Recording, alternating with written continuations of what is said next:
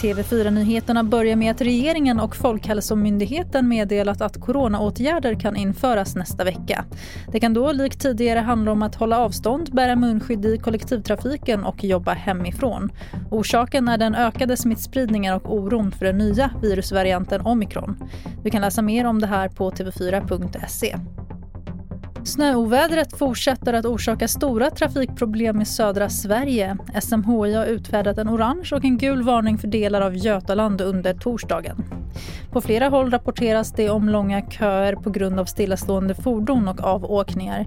Samtidigt som Länsstyrelsen i Halland uppmanar alla att inte ge sig ut i trafiken. Och vi avslutar med att berätta att den som vill sälja sin bil kan få bra betalt just nu för priset på begagnade bilar har ökat med 19% sedan 2019 enligt marknadsplatsen Veik. En orsak tros vara pandemin som har gjort att färre vill åka kollektivt samtidigt som bristen på halvledare bromsat tillverkningen av nya bilar. Och fler nyheter hittar du i vår app TV4 Nyheterna i studion Tannas Edelat.